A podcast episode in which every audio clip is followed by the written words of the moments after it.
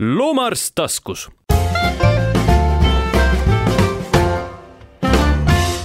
tere, loomaarstid istuvad jälle taskus ja minu külaliseks seekord on minu kolleeg Valdeko Paavel loomade kiirabikliinikust. ma tahaks hakatuseks kohe Valdeku su käest küsida, et kuidas see loomade kiirab üldse alguse sai, sest minul on kaks mälupilti. üks on see, kuidas me olime Moskvas, aastanumber oli umbes kaks tuhat kaks olime ühes suures Moskva kliinikus, kus meil oli pikalt räägitud, et kuidas nad teevad kiirabi ja neil käivad igasugused õnnetusjuhtumid. Ja siis must on, mul on sinust üks foto, kus sa seisad nende röntgenruumis täiesti nõutu näoga, sel-, no ma ei oska sulle seda nägu järgi praegu teha, ja vaatad nende röntgenaparaati, mis on pa-, kaetud paksu tolmukorraga. ja siis ma mäletan, et me arutasime seda, et kuidas nad saavad teha mingit kiirabi või mingit mingit õnnetus, traumameditsiini, kui neil röntgen ei tööta aga vot nüüd ma ei mäleta, et kas selleks hetkeks sa juba vurasid selle väikse valge autoga ringi, millel oli kiri loomade kiirabi või sa said selle mõtte natuke ka sealt, et nüüd räägi sellest ise, sest mina ei mäleta. Ja tervist kõigile. ei, see mõte tuli ikka juba vast ehk kooli ajal või kooli lõpus. Äh, ja äh, eks see nišš oli mõneti täitmata ja, ja eks meie visioon või mõte oli vast algul mõnevõrra suurem, kui teadmised või võimed või rahakott sellel hetkel nagu lubas tegelikult. aga mm, algas see kaks tuhat üks tegelikult vast siis jah, sellest sündmusest juba aasta varem ja väga-väga lihtsal äh, moel nii-öelda kahe, kaks kohvrit ehituspoest, vana autopann ja, ja niimoodi siis mõned siis hangitud või kingituseks saadud vanad instrumendid, ravimid ja väga-väga palju tahtmist ja pealehakkamist oli siis nendel esimestel päevadel. no sa olid tagasihoidlik, kui sa ütlesid, et see nišš oli mõneti nii-öelda lahti või kasutamata, seda nišši ei olnud ju keegi täitnud, sellepärast et mina olin tolleks hetkeks juba mingi aeg kliinikut pidanud ja tegelikult oli see ikka suur peavalu, kui öösel või kas või hilja õhtul helistatakse ja mis sa siis teed, ühest küljest sa võib-olla ei saa minna, oled juba klaasi veini võtnud näiteks või väiksed lapsed on magama pandud või mis iganes, teisest küljest need on ju sinu noh, kliendid ja isegi kui ei ole sinu kliendid, siis inimesed, kes on oma loomadega hädas ja tol hetkel ei olnud neid ju mitte kuhugi saata, et olidki ainus, ainus lootus oli noh, keegi, et läheb koju, aga see alguse koju minek, oi, ma mäletan seda pimedas toas, omanikud lamavad koerte peal, õmbled mingit käpahaava, midagi täpselt, no ilmselt sinu algus oli samasugune, tuleb sul mõni Eks väga ikka, drastiline lugu meelde ka? oi, neid on palju jaa, et, et äh, ma arvan, et ega päris, päris alguses me ei teinud midagi teistmoodi kui keegi teine nende koduvisiitidega varem, aga see mõte või suund oli sellele, et, et ikkagi saada asi korraliku kiirabina ühel päeval käima. ja, ja et, et mitte ainult vormi, vaid ka sellele sisu luua, nii et, et eks ta on orgaaniliselt tegelikult arenenud, see teema äh, võib-olla tõesti sellisest päris äh, lihtsast koduvisiidist, millele me panime küll esimesest päevast peale äh, nagu sellise kiire reageerimise aja nagu enda jaoks paika mm. -hmm sa räägid meie, sa tegid ju üksi alguses ju? üksinda jah, aga võib-olla oli aeg-ajalt äh, Keegi paar abiks. inimest ikka Aha. abis ka niimoodi okay., et, et äh, kes tegi mõne väljakutse siin või seal või aitas, aga tõepoolest nädalaid ja kuid järjest oli neid magamata öid, isegi aastates võib neid mõõta, et see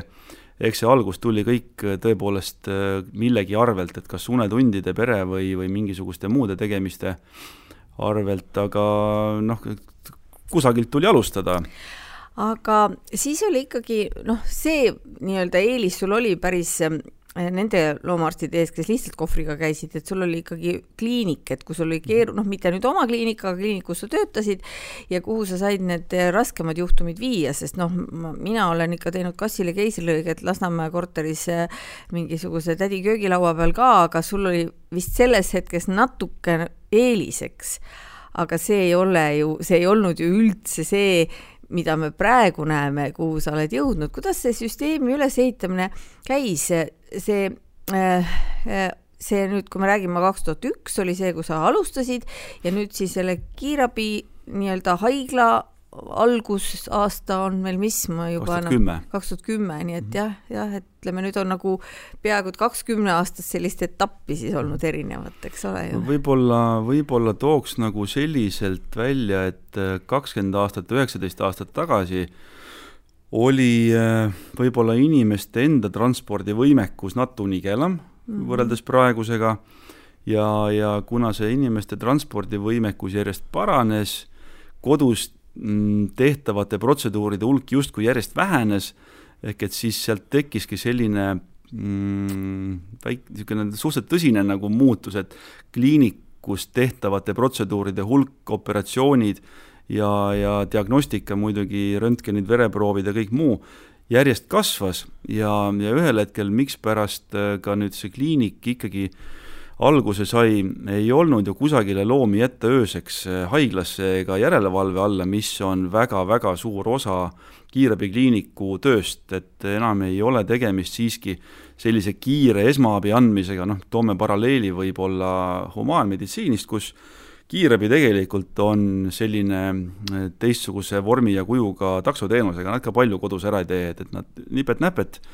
aga valdavalt on suunatud siis ikkagi see tänapäeva kiirabiteenus sellele, et äh, kiiresti patsient saada haiglasse, mitte teha väga palju asju koha peal, me avastasime ennast täpselt samas kohas, et äh, kliinikut meil ei olnud, ööpäevaringset statsionaari pakkuda võimalust ei olnud ja, ja meie enda jaoks äh, oli, me oleme ise kasvanud äh, nii palju juba edasi, et meie enda jaoks jäi seda väheseks, ma arvan ka, et äh, loomaomanike või meie klientide soovid ja ootused muutusid järjest kõrgemaks, inimeste transpordivõime paranes, et ma arvaks, et see kodus kohapeal käimise kiirabiteenus väga orgaaniliselt arenes lihtsalt selleks, et tegelikult oli kakskümmend neli seitse haiglat vaja mm, -hmm. et seda teenust nagu edasi viia ja, ja siis kaks tuhat kümme me juba koos äh, sõbra ja kolleegi Ain Staarastiga asutasime siis Loomade Kiirabikliiniku. Ja, ja nojah, see ongi tõsi, et, et ma ise olen mõelnud, et, et ma saaksin ilmselt ka tänapäeval kodus mingi haavaõmblemisega hakkama, aga just, mis ju tekitas tol hetkel tohutuid probleeme, olid need sellised äh, ebamäärased vaevused, noh, hingamisraskused, krambid, sellised, kõik sellised asjad, mille peal sa pead tegema uuringuid, et aru saada, milles on asi, pluss siis neid ka monitoorima ja kui neid monitoorida ei saa, siis, siis ei saa neid ka kuidagi aidata, sest noh, see oli see asi, millega meie põrkusime kokku, et ähm, kuni selle ajani, võib-olla isegi paar aastat veel pärast seda, kui te juba tegutsesite, meie kliinikus oli selline valvetelefon, et noh, sa ei saa jätta nagu hätta oma patsienti. aga tõesti, noh, kõige keerulisem oligi selline no a la südame või hingamisteede probleem, mida sa ei saa lahendada nagu tunni ega kahega mm, -hmm. samas kliinik on päevase töötamisrütmiga, sul ei ole valmisolekut, sul ei mhm. ole seal nagu kedagi, nii et, et selles mõttes te täitsite tõesti nagu ühe väga-väga-väga vajaliku ja täiesti tühja niši ja ma pean ütlema, et me oleme väga tänulikud, ma arvan, ka teised kliinikud ühinevad sellega, et meie saame panna kell kaheksa õhtul ukse kinni ja meie saamegi saata oma patsiendi rahuliku südamega teie juurde ja see on tegelikult väga suur asi, eriti ma tunnetan seda jõulude uue aasta ajal et nii ongi. no siit koorub ka välja üks niisugune täiesti tõsi äh, meie igapäevatöös, noh muidu võiks arvata, et kiirabi on trauma, kaugel sellest mm. -hmm. traumad on tegelikult ikkagi väga selges vähemuses kogu kiirabitööst, et, et see, mis sa ette lugesid, on äh, loomulikult täpselt õige, et on iga äge kõht, äge rindkere, et kas on oksendus, kõhulahtisus, hingamisraskused, krambid, sünnitusabi, mürgitus ja, ja nii edasi, et, et igasugused võõrkehad ja, ja kusagil seal nimekirjas kindlasti siis on traumad ka, aga, aga mitte, mitte enam esikohal, et, et selles suhtes selle äh, haava kokkuõmblemiseks ei ole tõesti väga palju erilisi tingimusi vaja küll aga nüüd see jah, et, et, et röntgenpildid, vereproovid, ultrahelid, erinevad operatsioonid, täna me enam vähemalt Eestis ei kujuta tegelikult meditsiini väga teistmoodi ettegi mm. -hmm. sest et ma arvan, kogu see äh, valdkond on niivõrd pööraselt arenenud viimasel ajal, et meie, ma arvan, enam sinuga tagasiteed ei näe sellesse aega, aga maailmas oleme me käinud erinevaid kohti vaadanud ja on, on, on maid, on kliinikuid, kus äh, elatakse endiselt või tehakse neid, seda tööd samamoodi, nagu meie võib-olla tegime kakskümmend aastat tagasi, eks, et seda on veel küll ja veel. ja, ja ilmselt mina arvan, et ega kõik ju ka ei kao ära, sest et mis seal ikka, kui on, on kliinikus tehaksegi vähe asju, aga nad tehakse nii-öelda lege artis, nii nagu peab ja kui see arst ei noh, ükskõik mis põhjustel, kas ta on liiga vana või ta noh, majanduslikult ei saa omale mingisugust tohutut varustust hankida, aga ta teab, et kusagil on keegi, kes võib astuda sammu edasi. ja minu meelest siis, kui see on nagu paigas, siis on kõik hästi. sest jälle samas võib-olla seal, kui see tema väike kliinik asub kuskil, no Eesti mõistes ei ole miski nagu väga pärapõrgus, aga noh, mujal maailmas. ja seal tõesti on inimene, kes ütleb ei, et ma nüüd Pontuga kaugemale küll ei lähe, et nüüd noh, tee siis sina, mis sa teha saad, siis see, see arst saab seda Pontu elukvaliteeti võib-olla vähe, vähemalt natukene parandada või öelda õigel ajal, et nüüd on stopp. Et, et ma arvan, et, et tegelikult väga paljudel erinevatel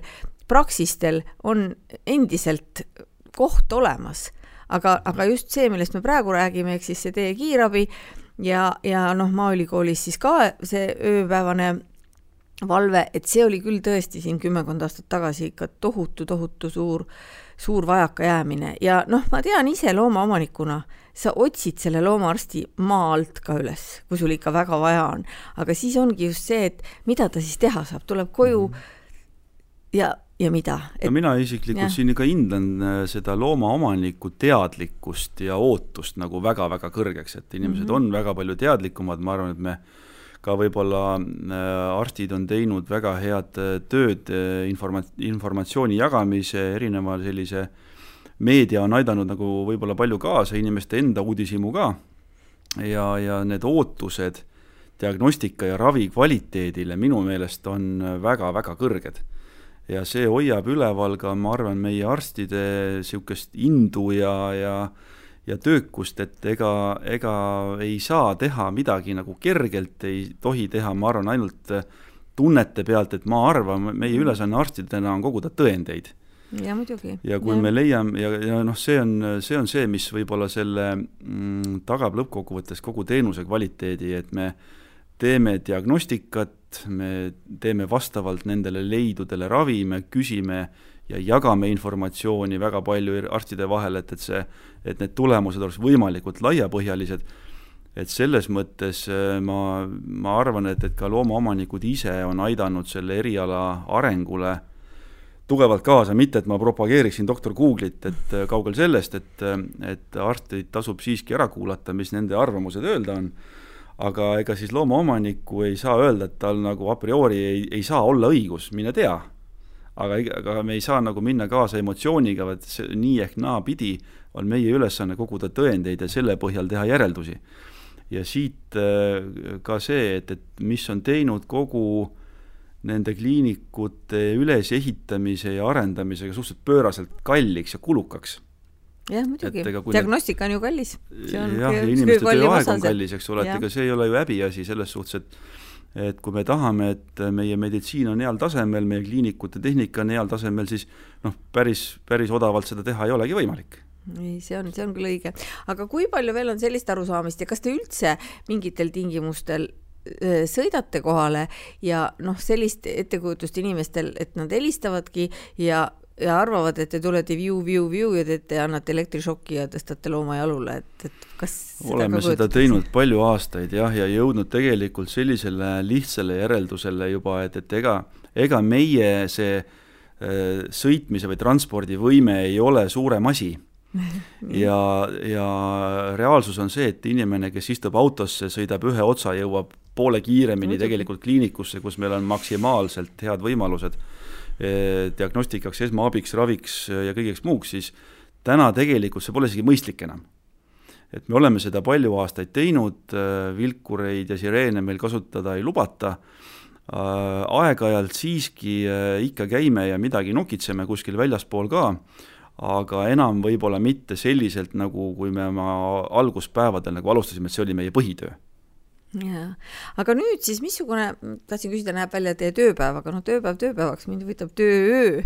ehk siis kusagil alates kella kaheksast meie siis teised kliinikud siin Tallinnas kõik rahulikult panevad uksed lukku, lähevad koju, saadavad mõne kriitilise patsiendi veel teile. ma loodan, et korralike pikkade kaaskirjadega, et ei pea seal hakkama jälle mõistatama, et mis seal, mis seal tehtud on. et mis siis teil saab, teil on, teil on üks arst, kaks arsti, teil on mingi kuidagi nagu see jagatud, keset ööd ei ole ju mõistlik ka mingit tohutut suurt personali seal pidada ju. no elu on näidanud seda, et ega see täpselt sellel ajal jah, nagu sa ütled, kõik uksed kinni panevad, siis meie töökoormus nagu selgelt suureneb. ja kindlasti. ja, ja selle kohta on, et üks asi on see, et, et on, kuhu anda või teha, aga vahest võib ka jääda nagu selline mulje, et, et keegi mõtleb, et noh, kui on su patsient juba suremas, siis parem surgu ta kiirabikliinikus, mitte meie juures või mitte kodus, mis selles mõttes on nagu äh,, nagu täitsa arusaadav ja mõistlik, et ega me saame ju tegeleda selle materjaliga, mis uksest sisse tuleb, et sageli tullakse üliraskes seisus yeah., kust väga enam midagi head teha ei ole. aga inimesi nüüd oleme sättinud tööle selle järgi täpselt, kuidas see töökoormus nagu on ja, ja hetkel näib, et see õhtul tõepoolest see erakorraliste patsientide arv on äh, päris suur ja, ja eks me aja jooksul oleme seda omajagu palju muutunud, et nüüd selliseid nii hommikust päevast, õhtust, hilisõhtust, öist vahetust, et eks ta on selline väga dünaamiline, see inimeste jaotamine, et, et kakskümmend neli seitse tegelikult, kus need hotspotid nii-öelda töömahu mõistes on, oleksid kaetud suurema hulga inimestega, nii et tegelikult on meil ikka poole hommikuni on päris palju inimesi majas nojah, sest kui tuleb ikkagi näiteks seal mingisugune maokeerd, mida sa pead kohe hakkama lahendama, siis see võtab ju mitu inimest ära kohe ju, siis, siis ongi see või siis noh, te saate ilmselt ka kutsuda kohale, kui on nagu selline ootamatu pikem operatsioon või midagi. ja ikka on jah, et, et meil on äh, valvebrigaad on kogu aeg kliinikus äh, nii arstide kui assistentide näol, aga jaa, tullakse appi tegema neid erakorralisi operatsioone sest samal ajal on ju muid äh, abivajajaid ja pluss statsionaariloome, nii et, et kõik ja. nad vajavad tegelemist ja see inimressurss, mis läheb kakskümmend neli seitse kliiniku pidamisele on ikka muljetavaldavalt suur.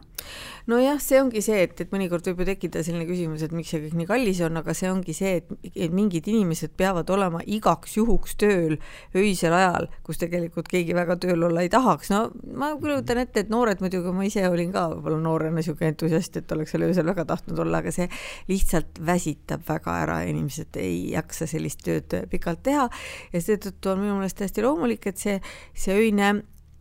visiit ongi kallim, aga mitte nii nagu ühel teisel Moskva külastusel, sind vist tookord ei olnud, me käisime ühes kliinikus, olid ka või? kus öövastuvõtt oli odavam. jah, ja, ja inimesed ootasid seal koera kõrvapuhastust ja, ja mida iganes ja siis, kui me küsisime, et kuidas nii saab, kuidas teil öösel odavam on, siis nad ütlesid, no aga peab olema, et nad ju ei tuleks muidu öösel et äh, päeval on mugavam käia ja mugavus maksab ja, ja, ja mul on ka selline suhtumine aga meeles. see, ka selles kliinikus on see juba ammu muutunud, ma olen järele kontrollinud, noh, see aga... oli ilmselt selline aeg lihtsalt, see oli ammu ka. üks asi on aeg ja, ja teine asi, mis mul on meeles, Venemaal oli ka ikkagi niivõrd palju tööjõudu saadaval, et, et isegi ja. abipersonal olid kõik kõrgharitud loomaarstid, sest muidu nad ei saaks erialast tööd üldse teha nii et, et äh, kui me oleksime sellises olukorras jah, et, et tööjõudu äh, pressib hirmus palju peale, tööd pole kätte anda, võib-olla oleks olukord siin kuidagi teistmoodi, aga kaugeltki see nii ei ole, et, et see yeah. töö, tööjõudu äh, leida on ikkagi keeruline ja neid motiveerida kakskümmend neli seitse tööd tegema on, on raske, see on keeruline, kiirabitöö on oma olemuselt ikkagi noh, väga stressirohke. on palju raskeid haigeid, on palju suremist, on äh, õnnetuid loomaomanikke, on väga närvilisi loomaomanikke ja nii edasi, et ega see ei ole ju paraku loomade puhul ikkagi ainult töö patsiendiga, et, et see pool, selle poolega on natukene äh, võimalik võib-olla lihtsamini hakkama saada kui nende õnnetute perekondadega ja loomaomanikest, nendel on ju ka vaja vastuseid anda, neid on vaja kuna, kuidagi lohutada ja, ja, ja väga-väga palju väga asju, asju selgitada, nii et ta on emotsionaalselt ülikeeruline ja, ja raske, nii et, et ei olegi ainult jah, see, et on, see tuleb uneajast perekonna või hobide arvelt, vaid vaid ka see kiirabitöö on oma olemuselt lihtsalt väga-väga suurte väljakutsetega. No ja siis teil on veel nagu sellised väljakutsed ka, et kui meil praegu oli siin just omanikest juttu ja pead omanikega tegelema, aga teile satub ju väga palju selliseid loomi, kes on ilma omanikuta, sellepärast et kuhu need vaesed loomakaitsjad siis nüüd toovad neid haavatud, haavatuid äh, auto alla jäänud koeri ja üha enam ja enam, ma saan aru, ka igasuguseid eksootilisi loomi, kelle ravimisest ju tegelikult no mina arvan, et ei ole sina seda õppinud, ei ole mina seda õppinud, nooremad võib-olla natuke rohkem on, aga ilmselt ikka mingisuguse pardi ja ma ei tea, kähriku ravimine nõuab ikkagi lihtsalt ninapidi raamatus istumist ja ühe poole silmaga sinna kiikamist, et noh, see ei ole ju päris üks-ühele ju, mida me teaksime muidu. ei ole muidugi, noh samamoodi kass ei ole väike koer ja koer ei ole väike inimene, eks, et, et need samamoodi on metsloomadega või, või eksootiliste loomadega, igaühel on mõned omad äh, nüansid ja noh, täna ma saan öelda, et meie õnn on see, et, et meil on üks arst, kes on töötanud pikalt loomaaias, kes tunneb eksootiliste loomade hingeelu paremini ja, ja üks arst, kellel on endal võib-olla süvendatud huvi nende, nende teistsuguste loomade vastu, nii et, et see on võib-olla see, mis päästab meie päeva, et, et meil on paar spetsialisti äh, kambas, kes äh, saavad niisuguste teemadega hakkama, sest vastasel juhul loomulikult on see, et kuskilt tuleb äh, otsida nagu abi ja, ja abimaterjali, et et need ravimid ja, ja muud teemad ei ole loomulikult üks ja sedasama. Ja noh, loomaabi nende, kes neid leiab, kuhu toob, ega see ei ole nüüd väga selline lihtne valdkond ja sektor no,, et, et sinna ma tahtsingi jõuda. kui loomal on omanik, siis on äh, vähemalt äh, need asjad selged. aga kui loom leitakse, siis tuleb otsida omanikku ja siis talle anda esmaabi, võtta vastu mingeid otsuseid, lisaks peab keegi ka need arveldused kinni maksma, sest ega ükski loomakliinik ei saa endale lubada seda, et, et ta äh, loomi tasuta ravib, sest et ega, ega kuidagi peame me oma kulude-tuludega välja tulema ja see ei olegi äh, niisama lihtne ja neid loomi tõepoolest äh, on palju, äh, noh, on täna väga palju ka neid organisatsioone, kes leitud loomi aitavad, siin Loomapäästegrupp, Loomakaitse Liit, Selts ja palju kassiabisid mm, -hmm. varjupaigad ja, ja neid ühinguid on, on kaunis palju ja, ja nad saavad nagu väga palju ära teha, et selles mõttes äh, minu poolt küll maani kummardus nende püüdluste eest maailma ikkagi nende loomade jaoks paremaks kohaks muuta ja, ja nad suudavad äh, läbi korjanduste ja, ja hea kommunikatsiooniga väga suuri projekte ette võtta, sageli palju suuremaid äh, ravisid, kui äh, mõni loomaomanik seda omade jõududega suudakski. jah, seda ma olen märganud seal on lihtsalt see küsimus vahel minu jaoks tekkinud, et kui ei ole omanikku ja nii-öelda raha on, et, et seal noh, meie loomaarstidena ilmselt peame võtma otsuse siis, kui see ei ole selle looma jaoks enam mõttekas. Eks ole ju, ma arvan, et selliseid juhtumeid on ju ka, et, et noh, vaata inimeste ravil seda küsimust ei esitata kunagi. Mhm. sul võib olla mingi hulgimurdudega, ma ei tea, halvatud inimene, aga noh, noh, siin ei ole üldse küsimust, aga kui meil on selline loom, kes edasiseks elamiseks peab läbima tohutu hulga operatsioone ja me ei ole üldse kindlad tema järgnevas elukvaliteedis, et siis on nagu, ma arvan, hästi raske, sest kes see nüüd on, noh, loomaarst ei saa ju tegelikult, no loomaarst saab anda ainult juhised, no ega me ei saa omanikule ka kunagi öelda, et see loom nüüd tuleb kindlasti magama panna, me saame öelda, eks ole, prognoosi noh, mis selle kõige asja tulemus on ja loomaomanik ju peab tegelikult ise otsustama. aga nüüd, kui sellel loomal ei ole omanikku, et siis otsustab ilmselt see seltskond, kes ta leidis. Või oh, see, on see on ju keeruline, ma ei taha sellesse laskuda, aga ma lihtsalt olen vahel mõelnud, et et, et see on ilmselt ka teile nagu väga raske punkt. ma ütleks niimoodi, et me äh, kergekäeliselt loomi ei hukka, terveid loomi üldse ei, ei hukka. no see on hoopis teine lugu ja, ja, aga äh, hästi nendest..., hästi halvas seisundis looma. jaa, nende hästi halvade seisundite loomadega on, on ikkagi see, et kui me ikka ise absoluutselt ei usu, et paranemine on võimalik mm, -hmm. siis nii-öelda selliseid äh, absurdi päästmise ja operatsiooni projekte me tegelikult ette ei võta mm. -hmm. küll on see, et, et kui me teeme kõik rehkendused ja vaatame, et, et siin jaa, see paranemisvõimalus on selline, järelravi niisugune või see tulemus, milline see siis olla võib, aga loomulikult on lootusetuid äh, juhtumeid, neid on ja ma arvan siinkohal ikkagi, et loomaarsti ülesanne on selgitada äh, et seda ei peaks tegema, seda ravi ei peaks tegema, ei peaks jätkama äh, nii omanikuga kui omanikuta loomade puhul, noh, omanikuta loom, kui ta on metsloom, ta on riigi oma ja, ja, ja kuni äh, ei ole leitud kassile või koerale omanikku kiipide ja muude andmete näol, siis ta minu teada kuulub Tallinnas näiteks Tallinna linnale või kohalikule omavalitsusele siis või midagi sellist et, et äh, küsimus on jah, et kes neid otsuseid saab, võib ja peab tegema, et äh, noh, loomakaitseseadus meil ju tegelikult neid otsuseid äh, teha lubab, selles mõttes, et, et ikkagi looma piinlema jätta ja. ei tohi. aga Meie... alati on selline, kusagil on ikkagi no vähemalt meil kiirabikliinikus on see piir siiski olemas et ette lootusetut projekti me ei, ei tee isegi siis, kui nagu nõutakse, et noh, olgu olla mm. -hmm. et see võib-olla ei ole nagu päris, päris õige, et, et me peaks ikkagi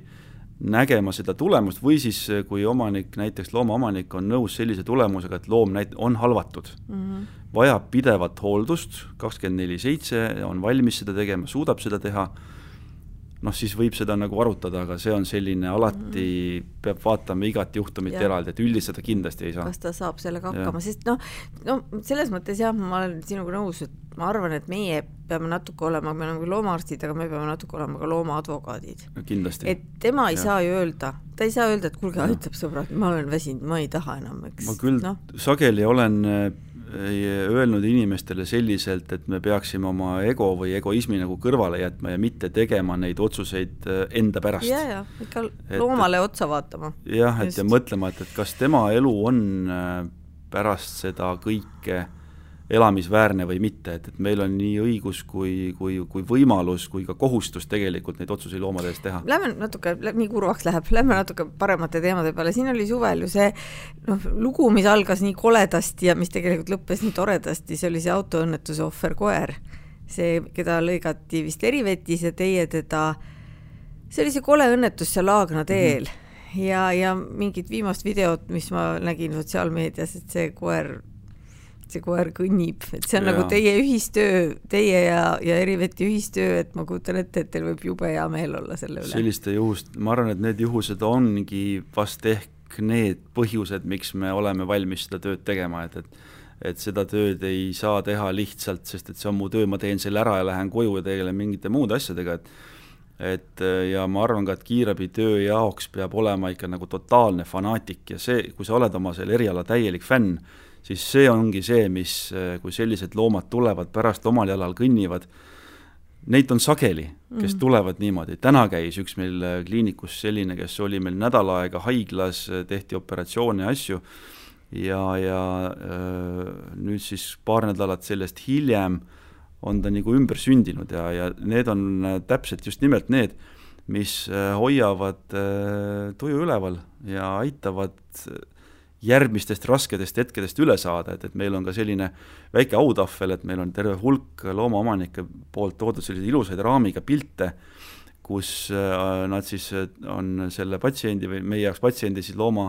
looma pilt koos mingi väikese pühendusega, et, et äh, alati, kui on raske päev,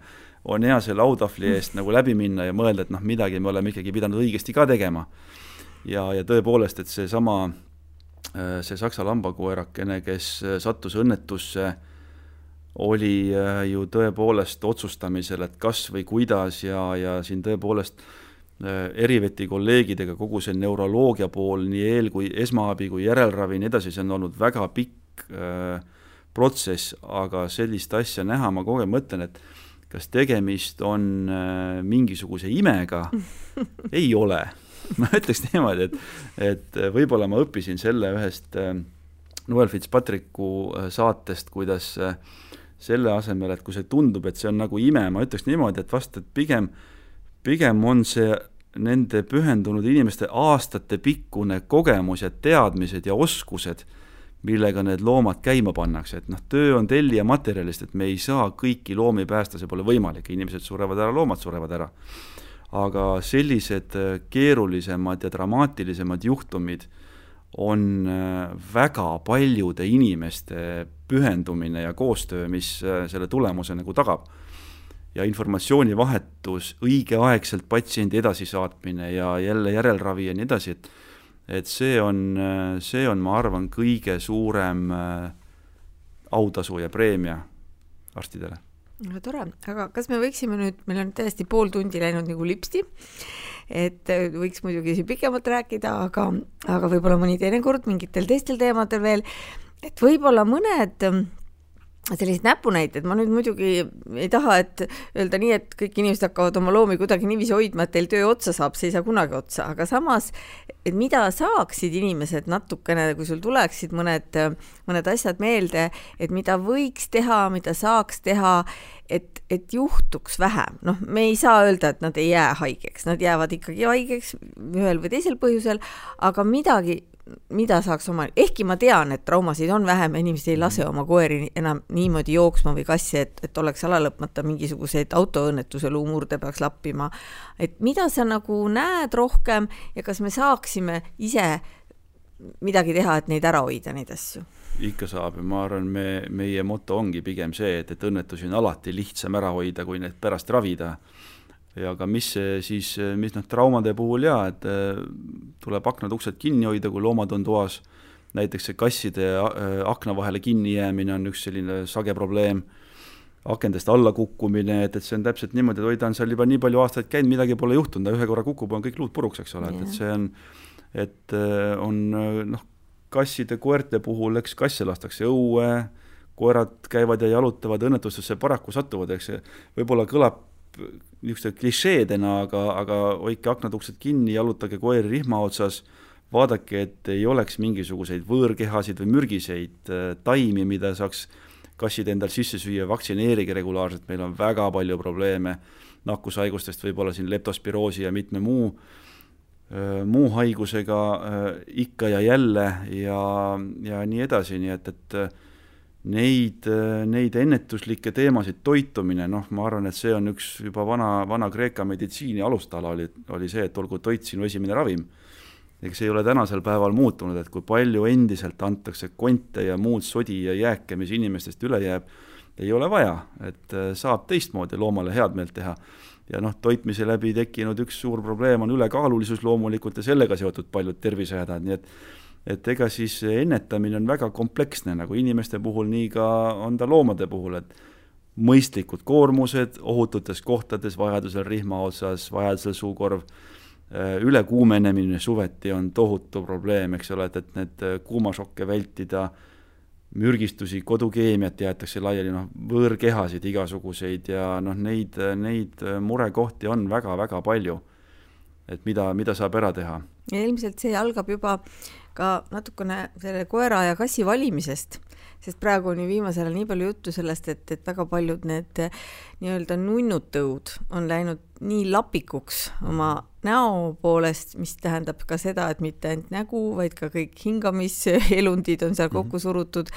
noh, sina jälle, ma tean, näed neid asju ilmselt, sest sa tegeled ka vist skoopiaga, kui ma ei eksi. et, et, et juba sealt, et, et katsuksime, noh, ma ei saa öelda, et ärme võta sellist koera, seepärast et noh, inimene on otsustanud, et see on nii ilus ja ta armas, aga, aga äkki me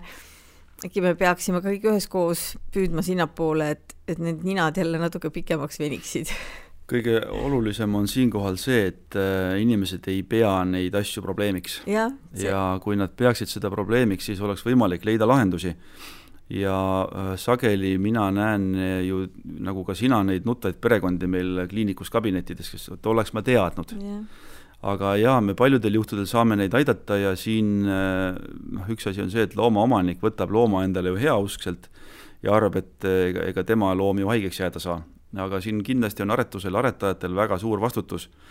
saada aru, et, et millised äh, nendest terviseprobleemidest on puhtalt aretuse tagajärg, et see on väga suur vastutus ja loomade heaolu seisukohalt on see kriitiline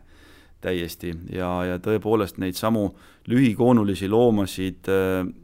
ma lõikan äh, paremaks ja laiemaks äh, sadu. Et nad saaksid paremini hingata, hingata.. saaksid elada. ainuüksi see, et, et, et noh, inimene ütleb, et oi, see on ju nii armas ja kui ta ei norska, siis ta ei ole ju enam mops või buldog, aga tegelikult on see äh, täielik nonsenss, sest need loomad on raskelt haiged, paljud neist äh, ei saa puhata, nad ei saa füüsilist koormust talu, ei talu nad ennast jahutada, et ei saa toituda normaalselt, see on väga suur terviseprobleem. me oleme vist jõudnud sinnamaani, et siit tuleb järgmise saate teema, nii et, et mitte küll järgmine ja ülejärgmine, sest meil on juba plaanid tehtud,